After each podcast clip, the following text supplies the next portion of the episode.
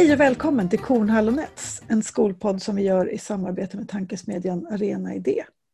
Och vi, det är jag, Ingela Nets. Jag är rektor till Själ och Hjärta men jobbar just nu dels som utredare på en kommunal utbildningsförvaltning och dels som utbildare på en eh, fortbildningskurs för rektorer på Uppsala universitet. Och så är det Per Kornhall. Hej Per! Hej! Du är oberoende expert, författare och ordförande för Sveriges läromedelsförfattares förbund. Ja, ja. grumpy old man. Ibland så, du, inte alltid. Nej. Um, och vi ska säga det att vi gör ju den här, den här podden, nu har vi sagt det här i varenda avsnitt, men vi säger det igen. Uh, vi gör den här podden helt ideellt därför att vi båda tycker att det är så otroligt intressant att få och förmånligt att få möta och prata med människor som, som kan någonting, som har erfarenheter, tankar, åsikter och så vidare eh, kopplade till skola och skolutveckling och samhälle. Den där spännande skärningspunkten. Mm. Så i, i princip i varje avsnitt så har vi en gäst med oss. Men inte idag. Nej. För idag tänker vi göra en sån här specialare igen där vi faktiskt ägnar oss åt att, att liksom borra i ett ämne som en av oss är lite expert på. Och idag är det din tur att vara expert Per. Mm. Mm. Vi ska nämligen prata läromedel. Mm. Och det, det har du väldigt mycket, ja men precis, det har du väldigt mycket tankar och åsikter om.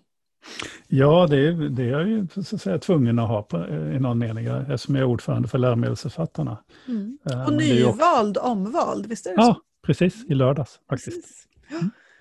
Så två ja. år till eh, ja. ska jag vara det. Men eh, det. men det är också viktigt att naturligtvis att, att, eh, att jag ställde upp på det för två år tidigare då, eh, och tackade ja eh, till att kandidera så att säga. är ju naturligtvis att jag tycker att läromedel är viktigt. Mm. Varför det?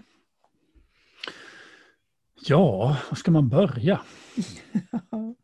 Eh, en anledning är att, att alltså läromedel, jag vet inte var man ska börja någonstans. Eh, läromedel är ju en möjlighet förutom lärarens röst för ett barn eller en ung person att lära sig någonting. Mm. Det, det, är ju så att säga vår kultur, även om det finns en del eh, sådana här extrema IT-evangelister som, som ju menar att vi ska gå över till att bara kommunicera med video, film och talat ljud och så. Så, så är det ju ändå så att vår kultur är ju väldigt textbaserad. Så att kunna tillgodogöra sig text och skriva text, att kunna formulera sig abstrakta, fånga mängder av abstrakta saker och ting och, och ha det i textform och kunna koda av text och så är ju väldigt viktigt. Eh, och därför blir ju också själva det mediet, texten, vare sig den är då digital eller analog, blir ju liksom central och avgörande.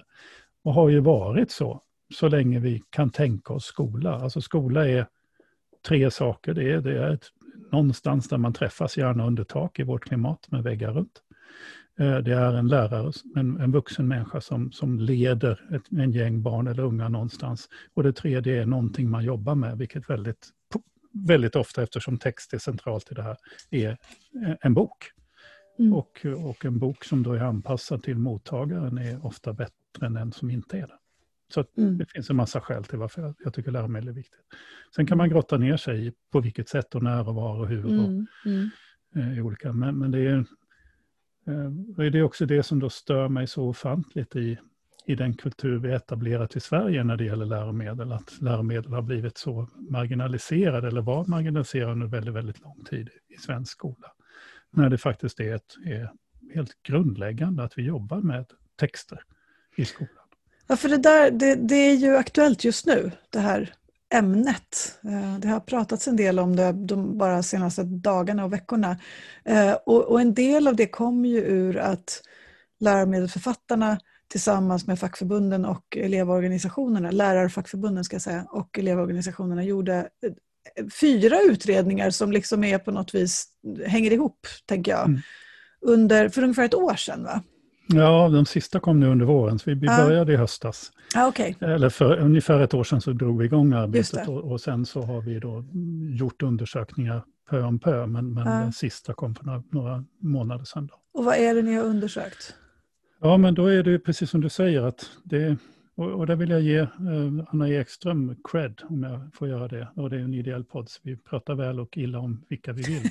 Inte så ofta pratar vi inte illa om någon. Nej, vi undviker sant. dem, helt enkelt. Ja, ja. Så är det.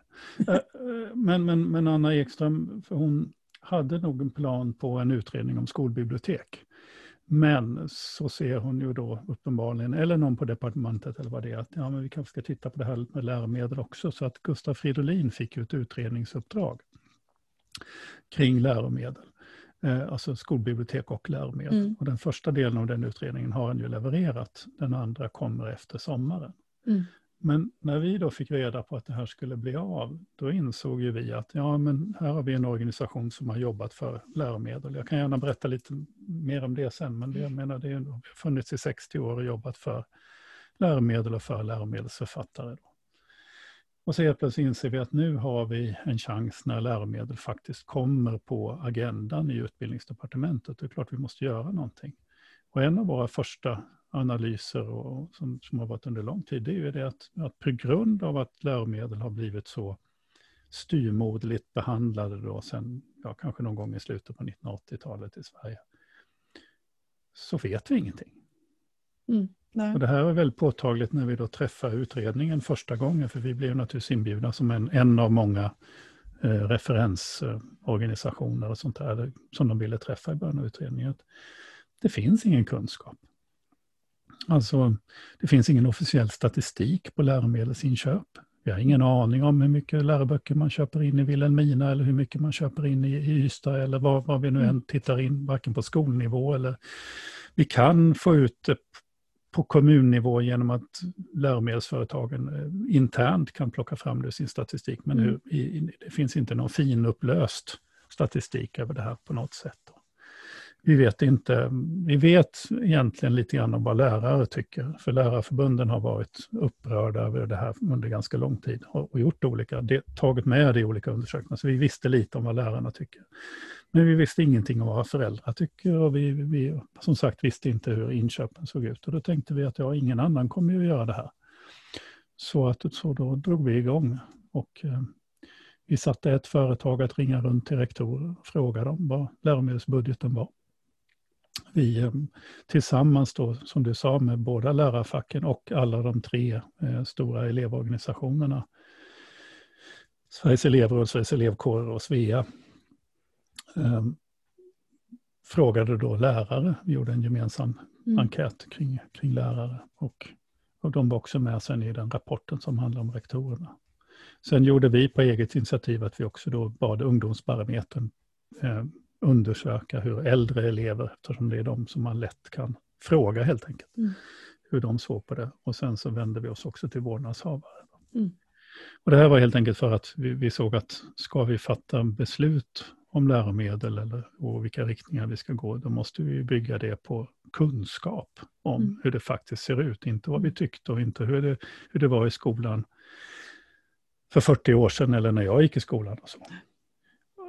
Och det där sista där är skitspännande kan jag säga. Mm. Därför att det vi kan visa är ju väldigt tydligt att, att läromedelstillgången är, är väldigt, väldigt, väldigt, väldigt olika på olika mm. skolor. Mm. Och de flesta liksom, människor vi kommer i kontakt med, vare sig det är journalister eller politiker, och vi, vi för upp det här, eh, så blir de lika förvånade. Därför att alla tror att det finns böcker eller digitala mm. böcker, eller det finns läromedel ute i skolan. Mm. Eh, men vi kan ju visa att nej, men så är inte alls fallet. Mm. Väldigt, vad ska jag säga, anledningen till att läromedel kom med i den här utredningen var ju väldigt mycket, om du minns det, diskussioner om att vi behöver ha en läromedelsgranskning. Ja, exakt. Som att problemet är kvaliteten i läromedel. Mm. Men, men vi kan ju visa väldigt tydligt, vilket vi vilket också var intressant på det där första mötet med utredningen, att, att vi kom dit, läromedelsföretagen kom dit, lärarfacken kom dit och elevorganisationerna kom dit och vi sa alla precis samma sak. Kvaliteten är inte det stora problemet, det är tillgången. Vi saknar läromedel. Mm. Och den rösten var väldigt stark från eleverna, ska säga. Mm. Så att väldigt ofta är reaktionen att, va? Men så kan det ju inte vara. Mm. Påfallande många av de här journalisterna som jag nu har pratat med, de har själva köpt böcker till sina om de är lite äldre journalister har de köpt böcker till sina barnbarn därför att de har saknat det nu. Eh, de berättar om att de får, att det, och är de lite yngre så har de barn och då kommer de hem med liksom lösblad och, och det är liksom svårt att hänga med i skolan. Och, så det här är som att det finns en bild av hur det, hur det är som inte stämmer. Men mm. samtidigt så har väldigt många människor i, ute i Sverige idag erfarenheter av att eh, det är så som vi beskriver, eller rättare så som de här undersökningarna visar att det är. Mm. För en av de saker som, som eh, kommer fram i de här eh, utredningarna är ju också att elever som Alltså det, det, finns någon sorts eh, segregationseffekt också i, bland läromedel. Alltså. Att, att elever som, som kommer från sämre socioekonomiska förutsättningar upplever att de har sämre tillgång till läromedel än vad elever som har en, en liksom starkare socioekonomisk status säger att de har. Och då får man, eftersom, nu säger du att det finns föräldrar som köper läromedel själva till sina barn eller så, eller barnbarn. Um, men, men jag tänker också att slutsatsen blir att, att skolor i, i utsatta områden, eh, trots att de då får större resurser ofta, alltså mer peng per elev om man hårdrar det så, i, i tilldelning av, av liksom skolpeng så, um, ändå inte använder pengarna till läromedel? Då? Är det den slutsatsen man ska dra? Jättesvårt att säga, men, men det verkar så. Alltså mm. utifrån oss. Eh, mm. Om det om liksom vad som är kausalitet här så att säga är svårt för mm. oss att uttala sig om. Det mm. vi kan se det är att de ungdomar som har, upplever sig själva som fattigare oftare upplever att de inte har tillgång till läromedel. Mm. Eh, det är en ganska tydlig och stark signal i, i, i de här ungdomarnas svar. Då. Mm.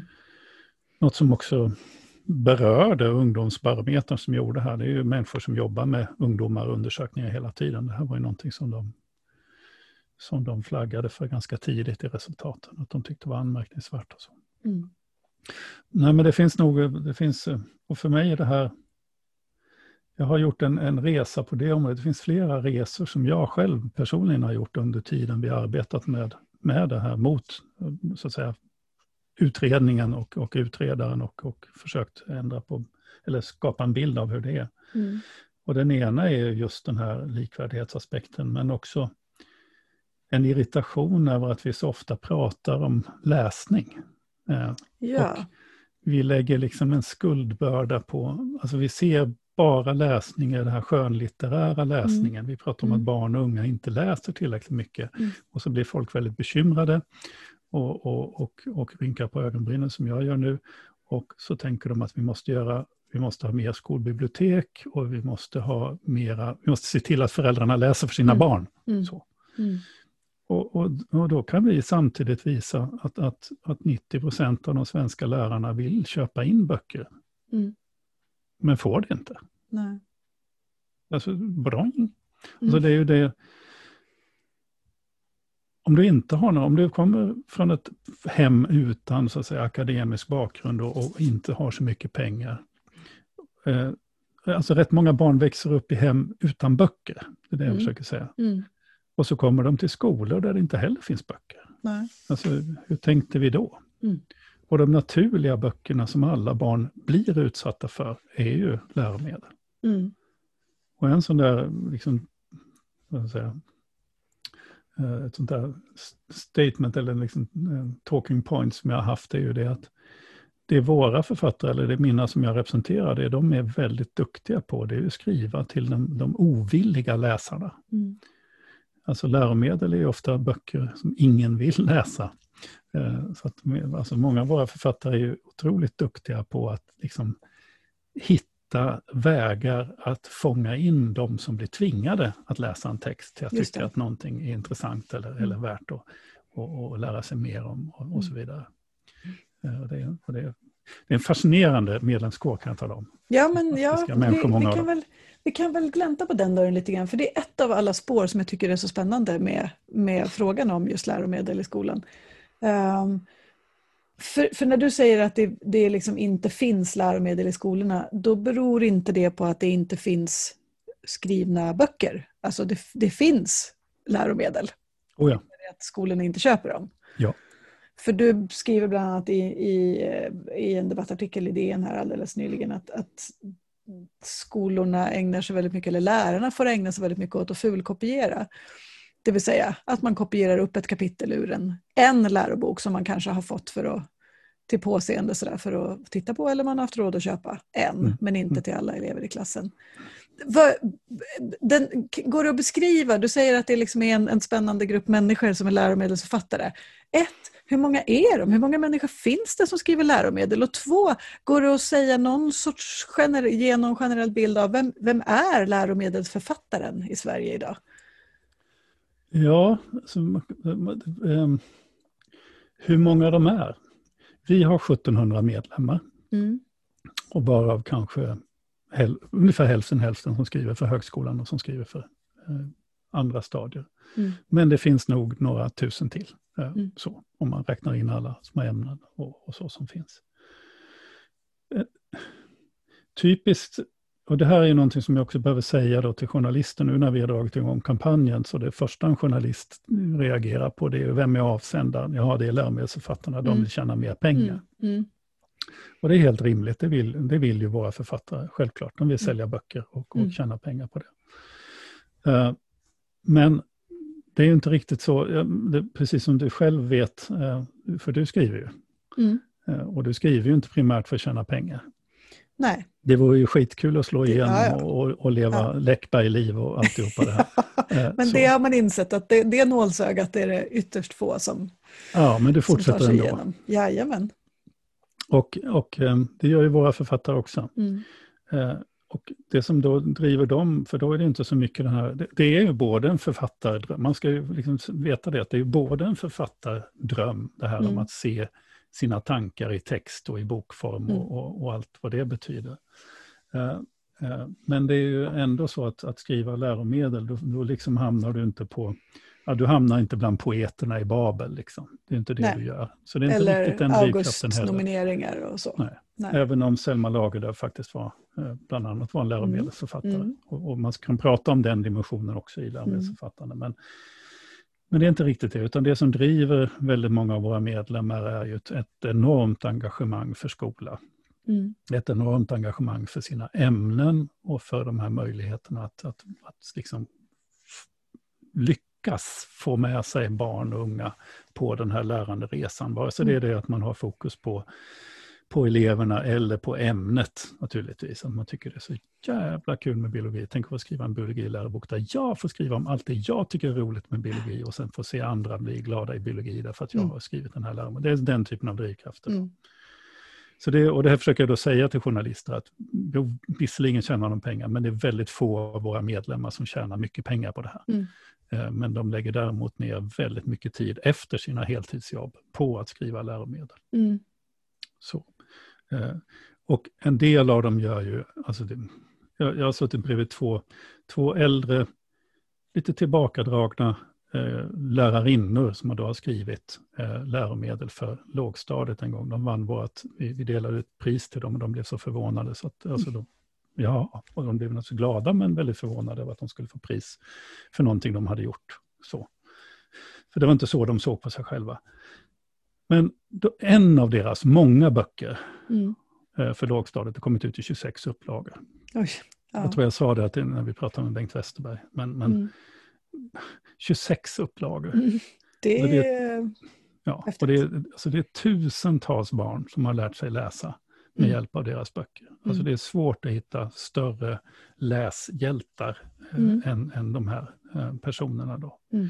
Så, så det, det, finns liksom ett, eh, ja, det är viktiga saker, det är viktiga böcker och sånt. Så att våra författare är, är engagerade, det är hemskt kul att träffa dem. De är, ja, och de är ju ibland naturligtvis, eh, vi har dels då på de som skriver för lägre åldrar som ofta har ett lite bredare perspektiv, men sen har vi ju hela spannet upp till, till, eh, till professorer som skriver läroböcker i olika ämnen och då är de ju otroligt smala och mm. otroligt engagerade för det här mm. lilla området som de skriver om. Mm. Naturligtvis.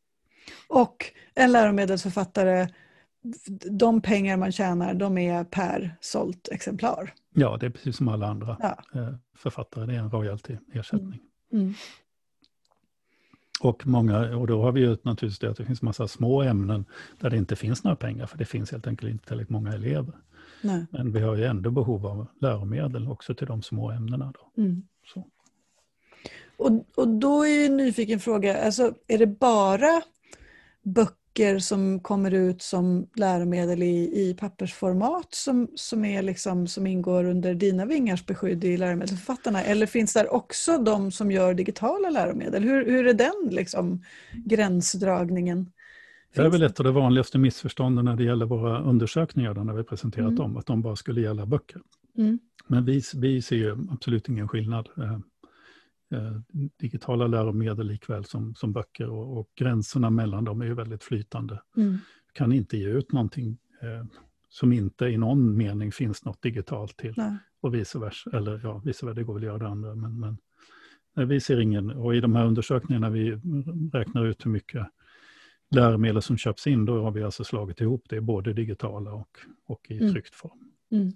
Eh, så att bland mina medlemmar är det precis lika mycket digital produktion som det är bokproduktion. Men har det inte funnits någon form av liksom, lite så här um, misstänksamhet mot alltså den, de digitala läromedlen? Alltså, har, inte, har inte de oftare liksom varit producerade av bolag som vill tjäna pengar på skolan än av hårt arbetande dedikerade lärare som på sin fritid börjar formulera frågan så, då får vi något annat. Men det börjar med att det, fanns, att det skulle finnas någon sorts tveksamhet kring för det digitala, då är ja. svaret absolut nej. nej. nej.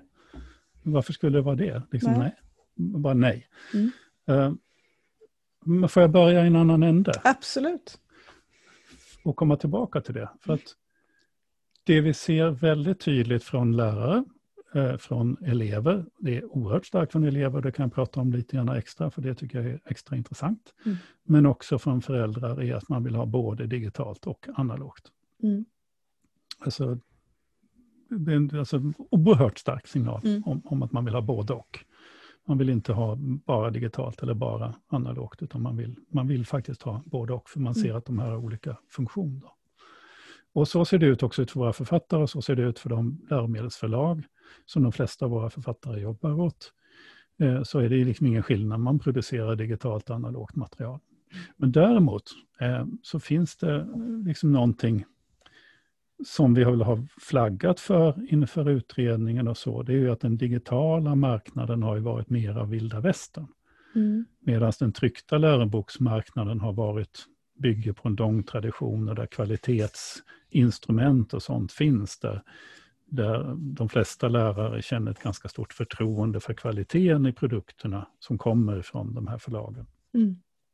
Så är, gäller ju inte det den digitala marknaden. Så det, så det har du helt rätt i. Där har det varit mycket mera Klondike, äh, Gold Digger. Mm. Äh, mm. Men inte bara Klondike och Gold Digger utan också vara väldigt glada amatörer. Alltså, mm alltså människor som, som, som har eh, ja, som en väldigt naiv föreställning om, om, om vad läromedel är, men har kommit på någon digital idé och som ska de frälsa världen med den. De som kan ha väldigt goda intentioner, mm. men de har inte varit där ute i klassrummet med de här produkterna. Mm. Och här, kan man, här finns det ju forskning, jag menar, Björn, det är några, nu är det rätt många år sedan, men, men Björn Sundén i Lund som tittade på sådana appar och sånt som finns för inlärning och som används i skolor och förskolor och kunde visa att 95 procent av dem var kass. Mm. Rätt många av dem lärde ut fel. Alltså, mm. Så, alltså svarade man fel fick man rätt svar. Alltså fel helt enkelt, bara tvärs, mm. tvärfel. Um, för att de inte var tillräckligt bra programmerade eller genomtänkta. Och, och så.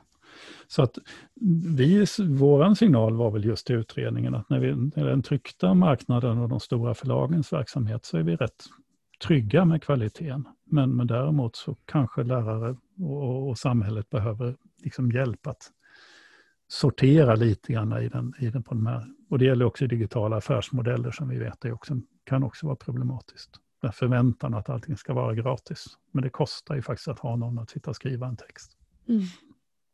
Ja, och... Så att det är det ena, men jag skulle vilja ändå komma tillbaka, för det. Det, det, är lite, det finns en, en, en, en, liksom en tveksamhet mot vissa effekter i marknaden, men den handlar inte om digitalt analogt, utan Nej. den handlar om hur eh, så att säga, traditioner, kulturer, ja. kvalitetsnormer som, mm. som finns etablerade i marknaden. Då. Mm. Men det jag ville säga också var den här otroligt intressanta signalerna från elev organisationen.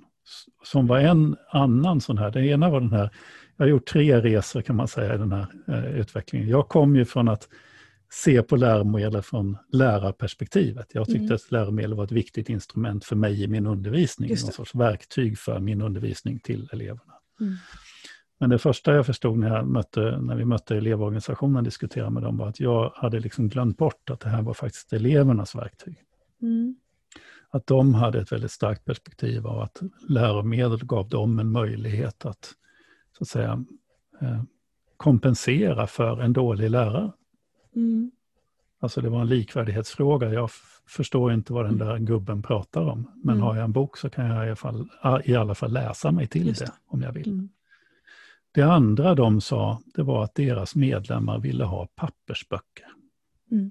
Och det tycker jag var så intressant, för vi har ju hela tiden bilden av the digital natives. Exakt. De som mm. lever i det digitala, bara mm. vill ha det digitala. Det är mm. klart att de vill ha digitalt och de vill ha mm. tillgång till de här sakerna.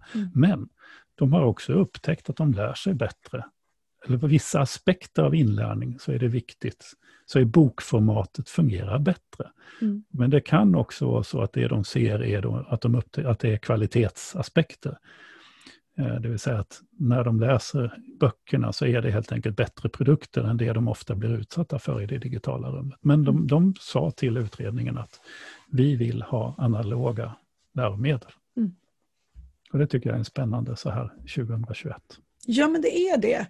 Och så tänker jag sådär att vad, vad gör det då med för förlag och för de som, som skriver böckerna? Nu är det klart att alla, alla skolämnen och alla perspektiv på liksom vad som ska läras ut i skolan och som vad som då kan finnas i ett tryckt läromedel är ju inte så snabbt föränderliga, men ganska mycket är ju det. När det handlar om, om det som rör liksom omvärlden så är det ju väldigt mycket som förändras väldigt snabbt. Är det inte liksom en väldigt omständig process då att ständigt trycka nya upplagor för att det har bildats en ny nation någonstans eller för att det har liksom bytts, eh, vad det nu kan vara, system i, i några länder. Till skillnad från då om man har en, en liksom digital produkt där man bara går in och knappar in en Ja, alltså så kan det ju vara i vissa ämnen. Det kan vara mm. annorlunda på olika sätt. Mm. Men uh, det är det är inte allt som förändras hela tiden, eh, om man säger så. Men det blir inte bättre då av att man inte kan köpa in böcker. Det vill Nej. säga, det som lärare då berättar om är ju väldigt ofta att de får plocka fram de här böckerna ur ett skåp och där nu eh, eh Alltså jag är så pass gammal så för mig är muren järnridån genom Berlin. Men jag menar, tio år efter att den föll så kunde ju samhällskunskapslärare plocka fram böcker och, och, där, och, så, och så fanns den muren kvar. Mm. Och, så. och det är klart att det, det, fungerar inte särskilt bra. Men då, alltså ett problem är ju då att man inte köper in, menar, lär, företagen och författarna sitter och uppdaterar böckerna. Mm. Men jag tycker en aspekt av det här är faktiskt också att, att om, om, vi då tar en biologiläromedel, det är mm. klart att forskningsfronten flyttar sig framåt och så mm. vidare. Men det är väldigt lite av det som händer på forskningsfronten i biologi som hamnar i en biologilärobok. Mm. Eh, men däremot så har vi fortfarande liksom två njurar och en lever och vi vet att de fungerar ungefär som de gör. Eh, det är liksom inte de nyheterna som ska in. Så väldigt mycket av det vi pratar, vi pratar om att allting förändras så snabbt, ja men så jävla snabbt förändras faktiskt inte allting. Nej. Eh, den matematik vi lär oss i skolan, den är grundlades ju på 1600-talet, så, så, att i mm. princip kan man ju använda Newtons principia matematika och komma ganska långt med den i, i kurserna. Mm. Om du förstår vad jag menar. Ja, alltså absolut, det, finns absolut. ju också en, en, en, konservativ massa i det här. Mm. Eh, och där ett tryckt läromedel kan ha en annan typ av funktion. Mm. Den, den, har också en annan funktion, som, och det är den tredje resan jag gjorde. Mm. Och det var att förstå, förstå eh, vårdnadshavarnas eh, syn mm. på det här. Mm. Eller föräldrarna. Jag, hade en, jag jobbade med en rektor en gång som, som slog mig på fingrarna verbalt varje gång jag sa förälder. Så för mig är det väldigt traumatiskt att säga förälder. Eh, och jag har full förståelse för henne, för det, det handlar om att hon hade till exempel väldigt många ensamkommande ja. barn. Ja. Och att då prata om föräldrar var bara att riva upp ett sår Precis. varje gång i kommunikationen. Mm. Så att, mm. men, men vårdnadshavarnas, eh, varav de flesta ju är föräldrar, mm. deras syn på det här är ju den här bryggan som läromedlet är till Mm. hemmet. Mm. Alltså de här eh, vårdnadshavarna har ju inte alltid så lätt, alltså lite digitala länkar och så vidare, att Mm. dela det, men däremot att samlas kring en fysisk bok och säga det är Mm. det här du ska lära dig till provet Mm. på torsdag, Mm. eh, är mycket, mycket enklare. Det blir ett annat typ av verktyg eh, Mm. för den här kommunikationen. Mm. Förutom den aspekten att, att faktiskt att inte alla barn har obegränsad tillgång till internet hemma. Ja, just det. Det, det, våra barn eh, har haft det eh, naturligtvis, men det gäller inte alla barn i Sverige att, att ha den. Både så, och då kan en fysisk bok göra något annat. Mm. Så att, jag tycker att det är, det är alldeles för tidigt av, av både pedagogiska skäl, eh, Eh, inlärningsmässiga skäl och samhällsmässiga strukturella skäl att kasta den tryckta boken. Sen är det alldeles självklart att vi ska ha både och. Men, mm. Men vi måste återvända till det, för du sa att någon gång där på 80-talet så, så liksom började läromedlen behandlas lite styvmoderligt sådär. Vad var det som hände då? då? Varför, varför blev det liksom en, en förändrad syn på huruvida läromedel var viktiga? Du, bland annat så, nu svarar jag på min egen fråga, men, men det är en sak som du skriver i, i, den här debattartikeln är ju också att du pratar om att, att det har funnits en antiläromedelsagenda i svensk pedagogisk forskning. Ska jag, ska jag lyssna och höra det som att det, det är det som har gjort att, att läromedlen har liksom försvunnit ur de svenska klassrummen? Ja, bland annat. Man kan säga att som, som vi har varit inne på det här i samtalet flera gånger. Och, då, och nu pratar jag inte så mycket som läromedelsförfattarna, kanske mer då som Per-Konrad-debattören. Men eh, där har vi ju vi har pratat om, om vad säga, det kanske att Sverige hamnade där vi hamnade var liksom en olycklig slump av att många olika drivkrafter kom på en gång. Att vi, vi hade liksom ett, ett, ett, ett vakuum i, i styrsystemet som gjorde att friskolepropositionen genom, klubbades igenom utan en utredning, som är jättekonstigt när man tittar i backspegeln. Mm. Men det här skedde samtidigt som vi kommunaliserade skolan, samtidigt som vi individualiserade lönesättningen, samtidigt som vi införde målstyrning i skolan och Mm. så vidare. Jag tror att det är samma här, att vi har flera olika samverkande faktorer som, gör, som samverkar på ett olyckligt sätt. Mm. Och, och det är framförallt två saker. Det ena är då målstyrningskonceptet. Mm. Där man alltså då istället för att tala om att eleverna skulle ha läromedel så sa man bara att de skulle lära sig någonting. Mm. Men inte på något vis reglera eh, så att säga, hur man tar sig dit. Och det vill säga att allt stöd för olika eh, saker i skolsystemet så att säga, skulle helt enkelt plockas bort därför att vi eh, ja, det är rätt intressant att studera själva det här målstyrningskonceptet. Då, för eh, det finns faktiskt en tidig utredning från Riksrevisionen där de skakar på huvudet och säger att, att, att, vara, att tolka det så långt gående som man gjorde i Sverige är, är inte särskilt alltså, praktiskt och bra. Man kan faktiskt blanda målstyrning och regelstyrning. Man kan Mm. ha både mål och vissa grundläggande regler, i en tidig utredning. Men, men det gjorde vi inte, vi släppte alla reglerna. Mm. Så därför försvann då det som stod till exempel i en gammal grundskoleförordning att lä- elever skulle ha hade rätt till gratis läromedel. Det det. stod alltså så, gratis Mm. läromedel. Mm. Till förvinnande av sammanhang och fasthet i kunskaperna som det Mm. stod. Mm. Det var alltså deras verktyg för Mm. att kunna vinna. Och då Mm. skulle de då ha dem tillgängliga. Då. Det försvann eftersom vi Mm. inte skulle målstyra. Och då måste jag bara Men- skjuta in där, för det där var ett sånt roligt citat. Alltså utifrån att man... Jag, menar, jag, kan, jag kan ju spela liksom djävulens advokat i det här samtalet och låtsas som Mm. att jag inte också tycker att det är viktigt att vi har läromedel, vilket jag tycker. Därför att om jag drar parallellen till oss som vuxna, när vi, när vi ska liksom lära oss något nytt eller fördjupa oss i någonting, Alltså nog skulle det vara extremt svårt att tänka att man skulle läsa in poäng på universitetet utan att ha en enda bok att hålla sig i. Ja, liksom, för mig är det ganska konkret. Jag har ju de sista åren försökt ehm, jag har ju lagat bilar som du vet, byggt Mm. ihop gamla bilar och sånt. När jag lärde Mm. mig svetsa, det första jag letar efter är naturligtvis en lärobok i grunderna i svetsning.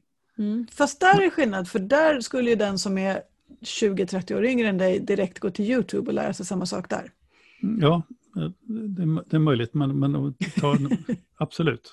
Eh, och man skulle bli otroligt förvirrad över alla de budskap som kom. Därför Mm. att det skulle, du skulle bli Mm. utsatt för hundra triljoner olika svetsgubbar som Mm. har olika idéer om vad som är Mm. bra.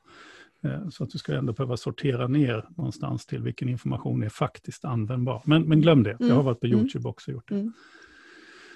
Ehm, och nu tappade jag tråden för jag var på väg någonstans. Vi vuxna behöver böcker. Ja, Och innan det var du på väg i att prata om, om de här besluten som gjordes, eller de Ja. samverkande effekterna som plockade precis. bort Och, läromedlen. och det är det som jag Mm. som jag tycker är, alltså den ena är ju då den här avregleringsparadigmet, och så att Mm. säga, att man ska ta bort all, all reglering. Eh, Det andra är att det fanns då också pedagogiska strömningar för, som egentligen ville att man inte skulle ha styr, läromedel som, som liksom talade om för målgruppen vad det var man skulle lära sig eller hur man skulle göra någonting. Mm. Utan de ville just det att man skulle bli utsatt för verkligheten. Mm. Alltså man skulle undersöka verkligheten, inte tillrättalagda och, och det, eh, liksom versioner av den. eh, Så. Och då skulle inlärningen bli eh, mycket roligare, mycket lättare och mycket bättre. Och vi skulle liksom, alltså det, det handlar om Mm. väldigt, så ska jag säga, pedagogiska, högtflygande, eh, liksom jättevackra och oerhört romantiska mål. Det är lite Mm. grann liksom en tradition som kommer från Rousseau, va? och så via Dewey och Vygotsky Mm. och, och allihopa de här. Liksom så här. Mm, Låt barnet möta verklighet, låt Just barnet utfor, utforska sin egen verklighet och Mm. bygga sin egen värld och, och Mm. så. Eh, Men problemet är ju bara, precis som, som den här YouTube-killen upptäcker det, att om jag bara googlar på att lära mig svetsa, eller att svetsa, Mm. att svetsa, inte att lära mig svetsa, för det är två helt olika saker, Mm. men jag googlar på att svetsa, Mm. ja då kan jag hamna rätt in i, i liksom avancerad svetsning med, med specialelektroder i jättesvåra legeringar och där du Mm. måste kunna eh, rätt mycket både matematik och materialhållfasthet och sånt för att överhuvudtaget förstå vad de här killarna säger. Och, så kan du, och du kommer inte lära dig någonting. Nej. Om du däremot googlar på att lära mig svetsa, Mm. ja, då får du tillgång till ett läromedel, nämligen Mm. någon som säger, är du nybörjare, vad bra, då ska, jag, då ska jag tala om för dig hur Mm. man gör. Mm. Och så börjar han med väldigt liksom enkelt. Så. Mm. Och det är ett läromedel, fast Mm. det är i filmform, filmformat. Så att säga. Eh, Men, men den svenska skolan, så, och det, det är jättespännande att läsa det där, läsa vad ministrar sa, läsa gamla utredningar, hur man verkligen såg på all tradering, all undervisning som någonting negativt under en period. Mm. växer fram under 70-talet och in på 90-talet. Och där läromedel blev inte bara någonting som styrde på ett felaktigt sätt, som boxade in och som var tråkigt, utan också, och sen kommer en liksom överlagring av de här franska filosoferna, då Foucault, Bourdieu och sådana här. Och så helt plötsligt så får vi, eh, och 70-talsvågen där, där alla auktoritet var felaktig och så får vi helt plötsligt någonting där, där, där läromedel ses som någonting försoffat och idealet är läraren som själv, själv skapar tillsammans med sina elever lärande. Så. Mm. Eh, vilket ju är liksom då lite besynnerligt, för om vi går tillbaka till de här bilarna igen, om jag nu skulle börja försöka skapa en bil Mm. från scratch, Mm. så är det otroligt svårt, Mm. självklart. Mm. Däremot att lära mig via pedagogiska handledningar hur man gör vissa småsaker, det är i Mm. alla fall görligt. Så att säga. Så Mm. att det blir en väldigt, väldigt konstig... Men, men, men jag och, och, och, eller jag menar utifrån från det jag har läst och, och ja, det är ju forskare som har skrivit om det här, så, så etablerades den här anti-läroboksagendan. Det handlar också väldigt mycket om att man i den forskning som har funnits omkring läromedel i Sverige har varit väldigt fokuserad på att hitta fel. Alltså, Mm, okej. här, beskrivs, eh, här beskrivs historiska skeenden på ett felaktigt sätt. Mm. Man har varit inne och letat så att säga eh, fel i, i texterna, men inte studerat nästan alls, skulle jag vilja säga, Mm. huruvida texterna har fungerat som verktyg för inlärning och utlärning. Det var överhuvudtaget fel att säga att man kunde undervisa om någonting. Mm. Eh, Mm. Så, så det fanns en problematik här där båda de här två sakerna samverkade. Ingen styrning och en, en ganska negativ attityd till den här typen av artefakter som, som då läromedel representerar. Just det. Och har det också, nu, nu så här, tänker jag fritt och o, lite oreflekterat utifrån också min egen erfarenhet. Är det så då också att, att om man har den, den synen på läromedel och på liksom artefakten läromedel eller bok så blev det också lite status att lärare klarade sig utan? Ja, oh ja. Liksom. Och att, oh ja. man, att man var en, en bra lärare, det var, det, det, var man om man också då producerade liksom egna läromedel av ja. Ja, någon sorts så. kvalitet. Mm. Eh, så är det. Och precis som att, att, en, att, varje bil som alla hittade på själva och byggde hemma skulle mm. bli bättre ja, än, än, om, om man så att säga... Ja. Mm. Men, nej, men så är det och jag brukar, jag brukar säga det, det, det är en... Um, jätteintressant att googla på läromedelsberoende, alltså i ett ord. okay. Så, för då får man upp texter, eh, rätt många texter skrivna på, av, som examensarbeten på, ja. lärarutbildningar. Ja. Det vill säga att man, har, man beskriver det verkligen som, som ett, alltså, ja, du vet, vi träffas nu, vi träffas, vi ska prata om vårt beroende. Hej, jag heter Per Kornall, jag är läromedelsberoende. Alltså så. Ja, man skämmas man inte står på egna ben nej, så, man, man måste alltid ha ja, någon sorts mm. stödhjul. Ja. Mm. Och, och, och, så. Och det här är ju sånt som vi också stött på. Det. Alltså, jag jobbar ju tillsammans med eh, på Mälardalens högskola innanför ett läromedelsprojekt mm. eller, och i, i en utvecklingsprojekt mot grundskolan där de här forskarna var intresserade av läromedel på ett annat sätt. Bland annat därför att en av dem kom från Finland, vilket är intressant. Mm. Uh, men då ville de ju gå ut och, och, prata med lärarna. Hur planerar ni er matematikundervisning? Mm. Och då skruvade de på sig så här. Det blev liksom ingen fart i diskussionerna. Och så sa någon lärare, ah, vi är nog ganska läromedelsberoende. Mm. Så, som en ursäkt då. Mm. Så. Mm. Jaha, tyckte de. Vad bra, eh, mm. ungefär. Eh, mm. För då finns det ju någon sorts planering, då finns mm. det ju någon sorts tanke och så. Mm. Eh, något ramverk. Och Troligtvis en lärare då som har gjort den där planeringen ja, från början ramverk också. Som, mm. som någon lärare har gjort och så. Mm. Men just det där att de var de tyckte det var pinsamt att mm. säga att de använde mm. läromedlet som mm. en planeringsinstrument. Därför att någonstans hade de under sin lärarutbildning eller någon mm. annanstans fått lära sig att det där var inte, liksom en bra lärare var inte på det viset. Nej. Nej. Så att det finns massa sådana här olika tror jag, eh, mm. dimensioner i det här. Och istället för att se läromedlet just som den här erfarna kollegans hjälp och stöd mm. för hur man kan gestalta mm. undervisning. Mm. Så vilket är självklart att man, man behöver, inte minst som ny lärare, eller, eller om man är, som många är i Sverige idag, inte lärarutbildade, men står i klassrum. Just det. Och en annan fråga då som jag tycker blir intressant är ju, för nu, för nu, nu höjs ju rösterna för att lärare måste ha mandat och få resurser att både bestämma vilka läromedel man vill använda i sin undervisning, för det beror på vad man har för elever i klassrummet förstås, men, och ålder och allt det där. Men också att, man då, att det ska finnas, man, man ska helt enkelt ha så mycket pengar i, i kassan att man ska kunna köpa in de där läromedlen.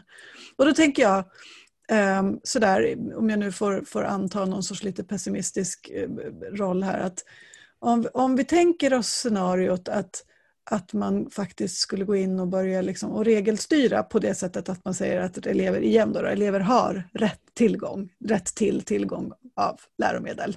Det ska finnas böcker som man kan ta med sig hem som elev och man ska kunna ha sin övningsbok och allt det där. Um, Finns det inte då en väldigt stor risk att vi hamnar i att, att när vi fortfarande befinner oss i det liksom, styrsystem som vi gör av någon sorts New Public Management och, och kontroll som ju i sig liksom väcker mycket kontrollbehov. Att det kommer att finnas en massa skolhuvudmän som säger så här, bra, då bestämmer vi på förvaltningsnivå exakt vilka läromedel som ska användas i vilka åldersgrupper för att vi ska säkra den röda tråden.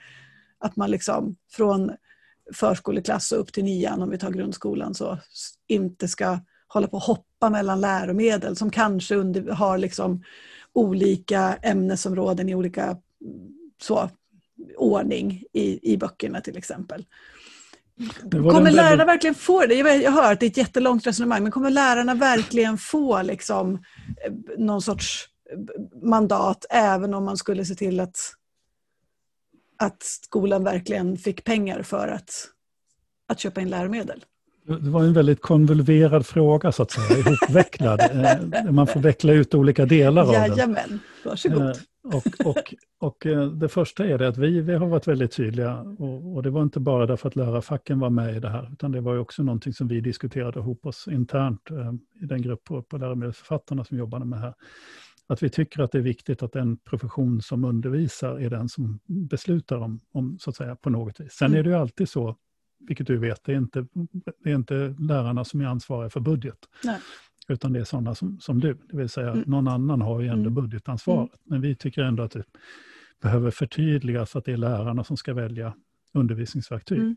För den situation du beskriver, den befinner vi oss i när det gäller digitala läromedel. Mm de besluten fattas över huvudet på mm. den undervisande mm. personalen. Just det, man gör någon sorts centralt kommunal ja. liksom, avtal. Så, så det, det, det, är det här som finns. Ja, och, det, det, mm. och då får jag då backa tillbaka till min lärare.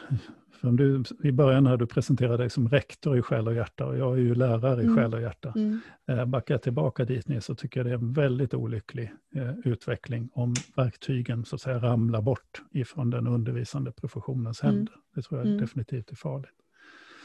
Men jag tror på andra, andra hållet att det professionen verkligen behöver, det är ett rörelseutrymme. Det vill säga man behöver ha den typen av reglering som säger att du har rätt att köpa in läromedel. Mm. Eleverna ska ha det, för då mm. kan jag gå till dig eh, mm. när du är min rektor, så kan jag mm. säga att det står i skollagen att mina elever ska ha tillgång till mm. läromedel. Nu får du fixa det. Eh, och då så att säga, står inte det, för nu står det ingenting. Alltså det, nu är det du som har det. Det finns en liten skrivning att du ska se till att det finns läromedel, men, mm. men lärarna har så att säga ingen rätt och ingen, ingen mandat, och ingenting sånt. Eh, I nuvarande styrsystem kommer ingen att avsätta läromedelsbudgeten. Därför Nej. att det finns inte. Eh, det finns inte i nuvarande Nej. regelverk på något sätt. Det kommer Nej. inte att bli så. Eh, jag tror däremot att det hade varit väldigt lyckligt om det hade varit så. Det vill mm. säga att man hade kunnat skjuta ut pengar på varje elev till läromedel. Mm. För då hade den här makten över läromedlen faktiskt hamnat hos lärarna. Det vill säga att man sköt ut dem till varje elev och, och sa att lärarna hade makten att ta hand om det. Då skulle man helt skjuta förbi din nivå. Just det, du tänker någon sorts skulle, öronmärkt del ja, av elevpengen. Det blir inte en fråga för din budget överhuvudtaget. Nej. Det vill säga det är en fråga, icke-fråga för dig, men en, en, realitet för den undervisande mm. professionen. Mm. Mm. Jag tror ärligt talat att det skulle vara bättre mm. än nuvarande system. Mm. Eh, och det skulle skapa likvärdighet. Sen kan man mm. väl så, eh, alltså ärligt talat, så tror jag att det hade varit bättre. Eh, det kommer vi inte gå, därför att så stora kliv klarar inte vårt skolsystem och inte våra, våra hjärnor att, att vi skulle kunna göra på det viset. Det är i och för sig inte större än, än den förändring vi gjorde när vi införde målstyrning, men, mm. men, men du förstår vad jag menar. Mm.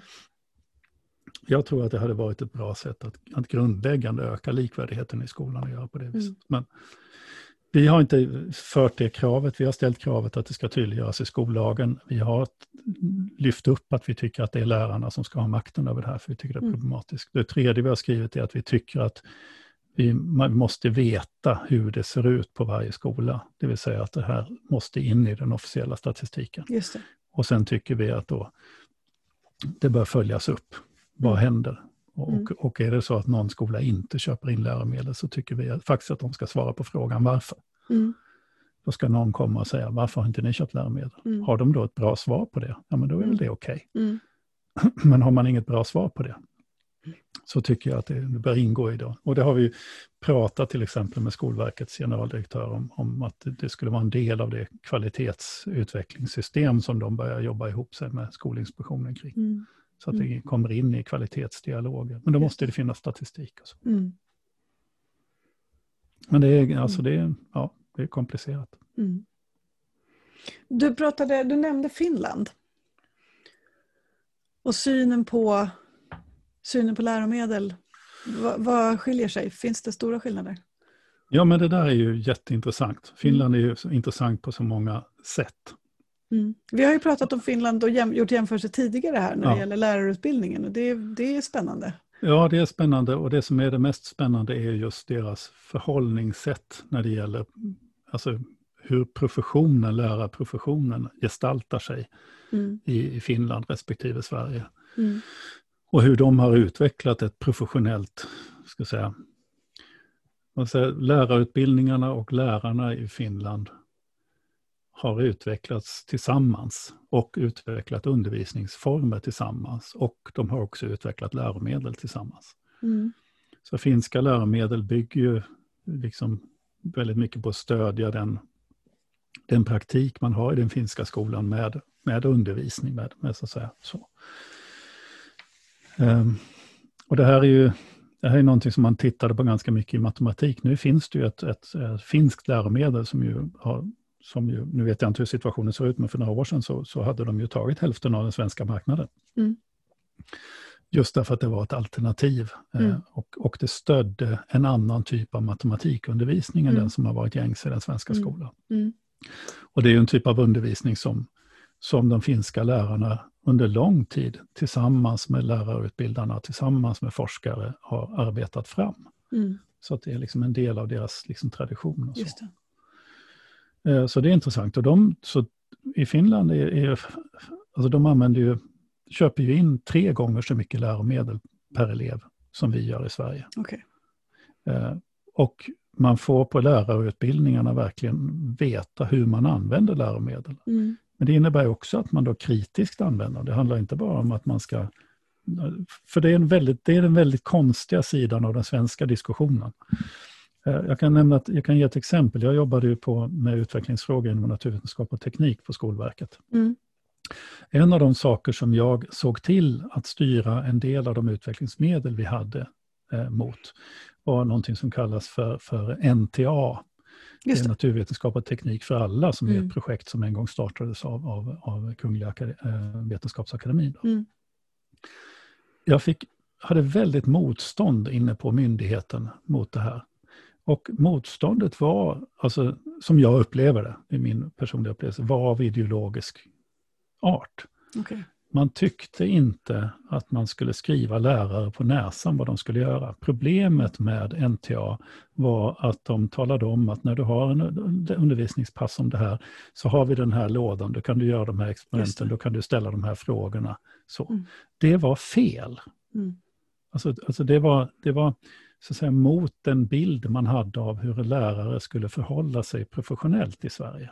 Mm. Medan i Finland är det helt okontroversiellt, för mm. där såg man det här som ett av verktygen för att lära sig hur man kan ha en lektion. Just det. Och det där att, kan är väl centralt ja, där då? Ja, det är helt centralt. Att man, när, har man inte så inte mycket eget, i, nej, och har man inte så mycket i sin egen verktygslåda, vilket man inte har när man är ny lärare, tänker jag, så är det väl fantastiskt att man har det där. Och har man mycket, ja men då, då kan man plocka det man tycker att man har glädje av och strunta i resten. Ja, ja men precis. Mm. Och som jag sa, nu kommer jag att tänka på när jag hade lärarkandidater som jag tycker om att kalla dem, för jag tycker det är en fin gammal benämning. Mm. De heter inte som heter VFU-studenter. Mm. Men lärarkandidater är mycket roligare. Mm. Uh, när jag hade sådana som gymnasielärare så sa jag åt dem, jag hade två uh, tunga lärdomar att ge dem. Och den ena mm. var, skäl allt du kan. Mm. Därför att du behöver alla de där idéerna. Därför att du kommer att träffa på en elevgrupp där allt du har provat innan inte funkar och då är det bra att ha några grejer med sig. Så, skäl allt du kan. Eh, och det andra var, var snäll mot vaktmästare, kanslipersonal och annan sån, andra sådana människor. Då blir livet mycket enklare för mm. dig. Mm. Helt egoistiskt. Mm. Möra för dem. Ja. Tacka dem. Så. Ja. För de har det inte alltid så kul och, och, snorkiga lärare kan de leva utan. Ja, precis. Ja, det var en mm. bif. Ja. Mm. Ja. Ja, nej men okej, så det handlar mycket om det här, alltså hur, synen på läromedlet. Och jag, ty jag tycker att det, det, det, där är värt att gräva lite mer i, för när vi började prata så pratade du om att din bild av läromedel var liksom utifrån lärarens behov av. Och så mm. säger eleverna att det i stor utsträckning också handlar om att det blir någon sorts liksom garant för en lägsta nivå i, i undervisningen mm. om man har lärare som inte håller måttet. Och det mm. där är ett perspektiv som, som är lite jobbigt, liksom, att det ändå blir en sån tydlig signal när ni intervjuar en massa elever i den här undersökningen. För det betyder ju att det finns väldigt många elever som, som sitter ja, i klassrum det, Jag ska säga att, att det ser vi inte i undersökningen utan det var elevorganisationerna okay. ah, som uttryckte det. Så. det så. Men mm. däremot i fris, eller vi ser det också i frisvaren. Mm. Både hos eleverna och också hos vårdnadshavarna. Mm. Just det där, alltså läromedlets kompenserande mm. Eh, mm elever som skriver att alltså jag, jag kan inte lära mig när min lärare pratar. Nej, jag just det. måste ha en bok. Just det. Ja, ska inte då den eleven ha den boken? Mm. Därför att vi har Mm. så. Eh, Vi kan ha en idealvärld om att alla lärare ska liksom matcha med alla elever. Men, Mm. men så ser det faktiskt inte ut. Utan Nej. vi behöver ju faktiskt ge många möjligheter. Mm. Kommer vi sen in på vårdnadshavare så blir det ju, boy, här har Mm. jag utskrivna frisvar från Okej. vårdnadshavarundersökningen. Det är 23 Per visar nu upp en, en, en diger lunta med Ja. texter. Långa Ja. texter ser ut att vara per svar. Nej, det så är också. nej, det är inte så Nej. långa texter, utan Okej. det är väldigt, väldigt många Ah, ja. fritextsvar. Ah, okej. Mm. Utan de är en, två, tre meningar Mm. långa. Men det är 23 sidor Mm. med meddelande från föräldrar. Mm. Om varför de, ja, vi bad dem skriva vad tycker de om läromedel och liksom lite grann Mm. varför. Då. Och, och, och, det är liksom inte bara, om jag bara tar, jag tar sista sidan, jag har inte Mm. sorterat rent slumpmässigt. Det är viktigt med ett bra läromedel som har koll på kursplanen i det berörda ämnet så att eleverna undervisas i allt de ska. Eh, Det är även en hjälp för pedagogerna så alla pedagoger inte själva behöver uppfinna hjulet. Mm. Det är plattformen för lärande, en plattform utifrån jag som förälder kan ta del av lärande, engagera mig, bidra till ökande kunnande. Det behöver finnas en enhetlig grund att stå på och skapa lika förutsättningar för att ha pålitliga källor till information. Det begränsar på ett konkret sätt vilken kunskap som är relevant för årsklassen och ger nationella baskunskap för eleverna.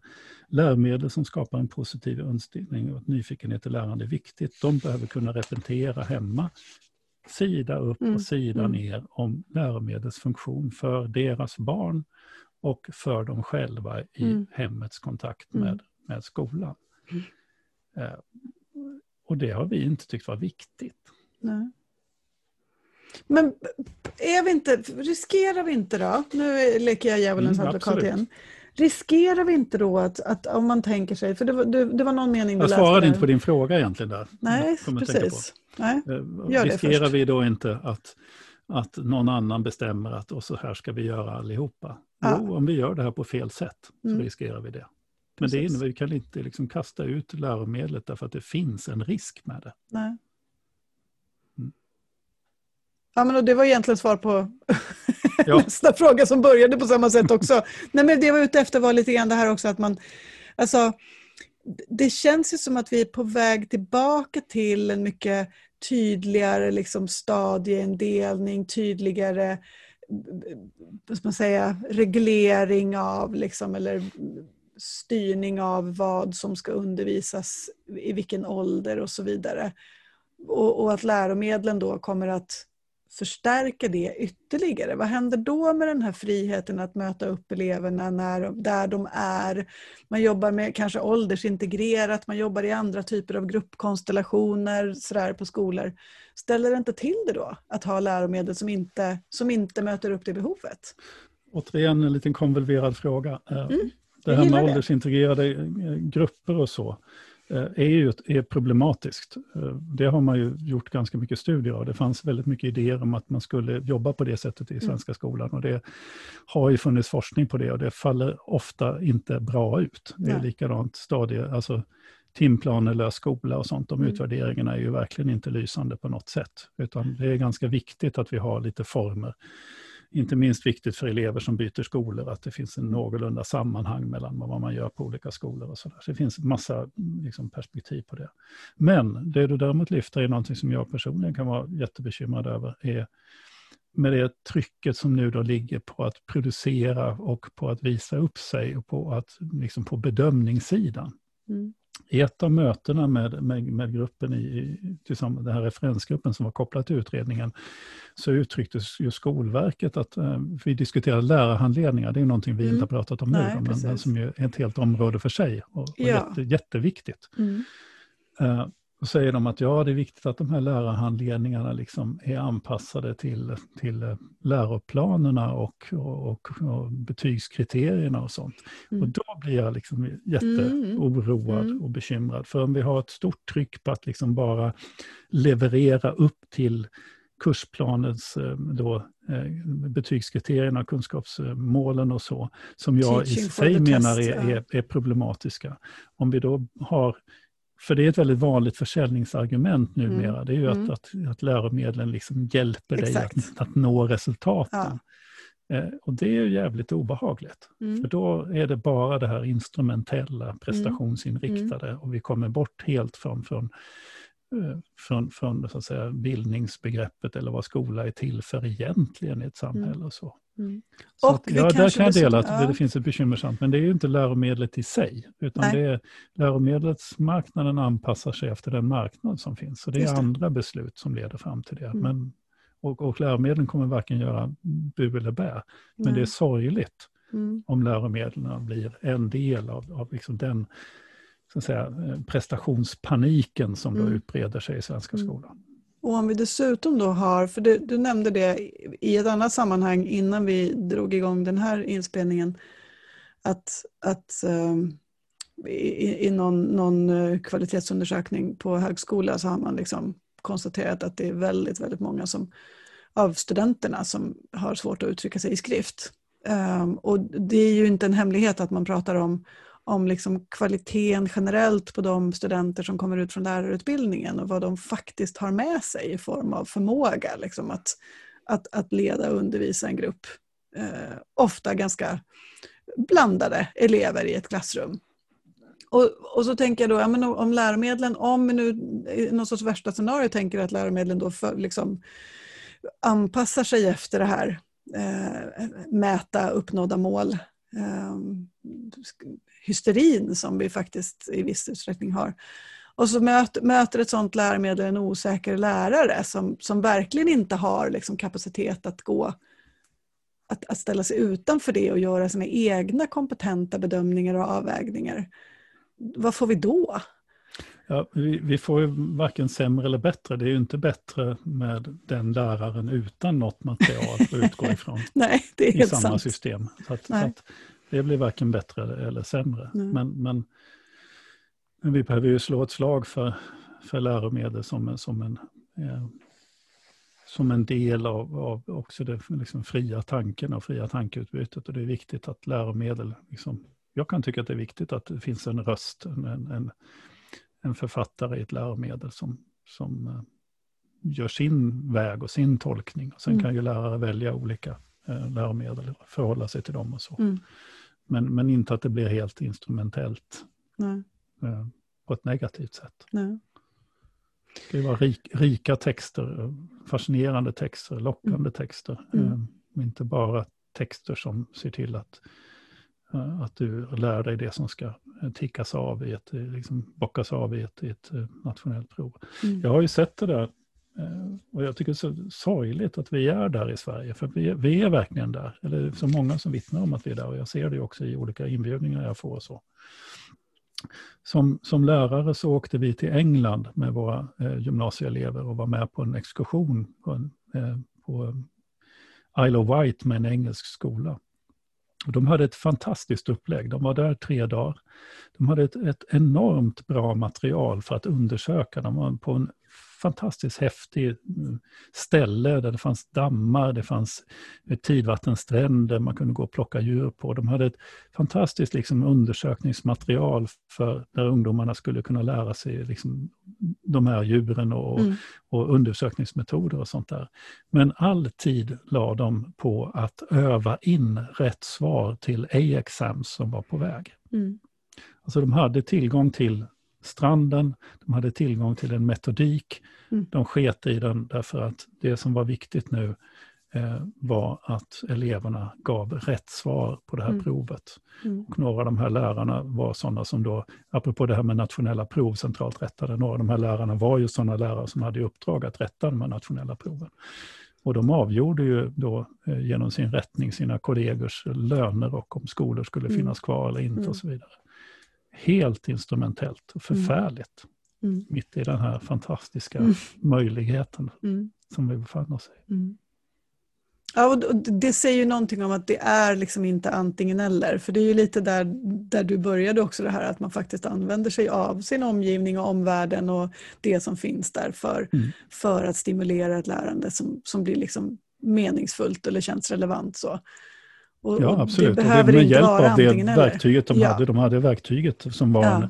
en, eh, alltså en manual för hur Mm. man kunde undersöka den här omgivningen. Det var bara att Ja, de sket, i, de sket i det läromedlet och för att, bara. för att memorera saker. Mm. precis. Du, nu, i, I mitten av augusti ska Gustaf Fridolin presentera den här delen av utredningen där om, om skolbibliotek och läromedel. Eh, och då är det väl framförallt läromedelsdelen som Ja, skolbibliotek har han redan lämnat. Ja, men exakt. Um, vad är, om jag säger Dina så menar jag ju då också Dina i, i bemärkelsen som representant för alla läromedelsförfattare. Vad är förhoppningarna att, att liksom den här utredningen ska mynna ut i? Förhoppningen är att, att de presenterar faktiskt ett, ett författningsförslag där läromedlets ställning stärks i skollagen så att de professionella lärarna ute i, i systemet känner att de har stöd eh, i beslut att köpa in läromedel och kan ställa krav på det för sina rektorer. Och så. Eh, vi hoppas också att de föreslår att, det finns, eh, att, vi, att vi för officiell statistik över läromedel så att vi faktiskt inte jobbar i det här i blindo, för det är det vi har gjort nu då i 25 mm. år. Mm. Eh, det, det, vi måste ju veta hur sådana här grundläggande delar av ett skolsystem utvecklar sig för att kunna fatta kloka beslut. Mm. Så det är väl de två stora sakerna egentligen som vi hoppas på. Mm. Eh, sen får vi se om de också skriver fram någon typ av konstruktion och organisatorisk struktur där läromedelsfrågor kan diskuteras på nationell basis och sånt där. Men det vet jag väldigt lite. Det finns liksom, menar, de har presenterat ett, olika idéer för oss som vi har fått tycka till om, men vad som landar i den slutliga utredningen, det vet vi inte. Men, men en, en, starkare reglering, en, en, starkare uppföljning, så, så långt kan vi kanske hoppas på att komma. Mm. Sen den här knäckfrågan egentligen, pengarna, mm. den kommer de ju inte att beröra. Nej. Och, och eh, där vet vi inte hur, det ska, eh, hur vi ska kunna förflytta det. Det är upp till 290 huvudmän och det är upp mm. till tiotusentals rektorer i Sverige. Mm. 290 eh, kommunala huvudmän, tusentals mm. fristående mm. och, mm. och så. Att hantera de här dagliga frågorna. Mm. Ja, det, vi måste ju ha något, liksom, lite mer så här framtidstro som, som avslutning Framtidstro här. kan ja. du få, därför att liksom det, det, det, jag tyckte var jätteroligt med att utredningen blev av, att vi gjorde de här undersökningarna, så tycker jag ändå, och också innan det, så tycker jag att samtalet om läromedel har blivit bättre i svensk skola. Mm. Eh, det finns en, en större eh, alltså en helt annan syn, eller mer positiv syn på läromedel. Det finns ett annat intresse, en, en annan sorts intresse från akademin kring läromedel. Mm. Eh, vi kommer ju vara med bland annat att, att hjälpa till att finansiera. Och då är det så att vi finansierar, men vi kan inte styra över den. Alltså. Men, men vi vill i alla fall hjälpa till. Det kommer finnas en sakprosa-professur i Sverige framöver. Mm -hmm. som kommer att ha läromedel på sitt bord. Alltså, mm. som som studerar läromedelsförfattande. Just det. Eh, alltså hur skriver man mm. den här typen av mm. prosa som Just ska det. nå till de här ovilliga läsarna. Mm. Rent, rena författarsidan av, av det, som, vi, mm. inte, som inte har varit uh, nästan alls belyst i svensk mm. forskning och så. Mm. Så att det finns en massa, det finns positiva, uh, vi märker, jag tycker också att det är väldigt få samtal kring det här som jag för, där folk säger att läromedel är, inte är bra. Mm. Utan snarare just den där, va, är det på det viset? Just det. Ja. Mm. Så det är någon sorts uppvaknande eh, mm. i, i, någon mening. Och det här tycker jag också är en sån där enkel likvärdighetsfråga. Mm. Att se till att alla mm. barn har, har böcker i skolan, mm. vare sig de är mm. digitala eller fysiska. Mm. Alltså alltså se till att det finns någon sorts baslinje i systemet mm. i en sån enkel likvärdighetsfråga. Och som inte behöver bli en höger-vänster-fråga på något sätt. Nej, Utan det tror jag det. vi alla kan enas om, att det är klart att de ska ha böcker att läsa i skolan. Mm. Och jag tycker också att det finns, det, det är ju roligt och hoppingivande att eleverna själva uttrycker. En, en önskan om att, mm. eller en vilja, ett behov av mm. att ha läromedel. Och jag får bilden framför mig, min, min nu 20-åriga dotter som för några år sedan när hon, hon eh, pluggade eh, fysiologi på sin gymnasieskola eh, och skulle lära sig alla skelettets delar och namn på muskler och så vidare. Hur hon med glädje satt med sin mormors gamla stora anatomibok från någon gång från tidigt 70-tal när den här, denna sagda mormor pluggade till sjukgymnast Um, och, och pluggade in. För som du sa, där, där har det liksom inte skett någon förändring. De heter samma sak på latin som de hette då, alla de där musklerna. Uh, så det, även en pappersbok är liksom, det, det, finns ju en beständighet som är, som är bra. Absolut. Absolut. Mm.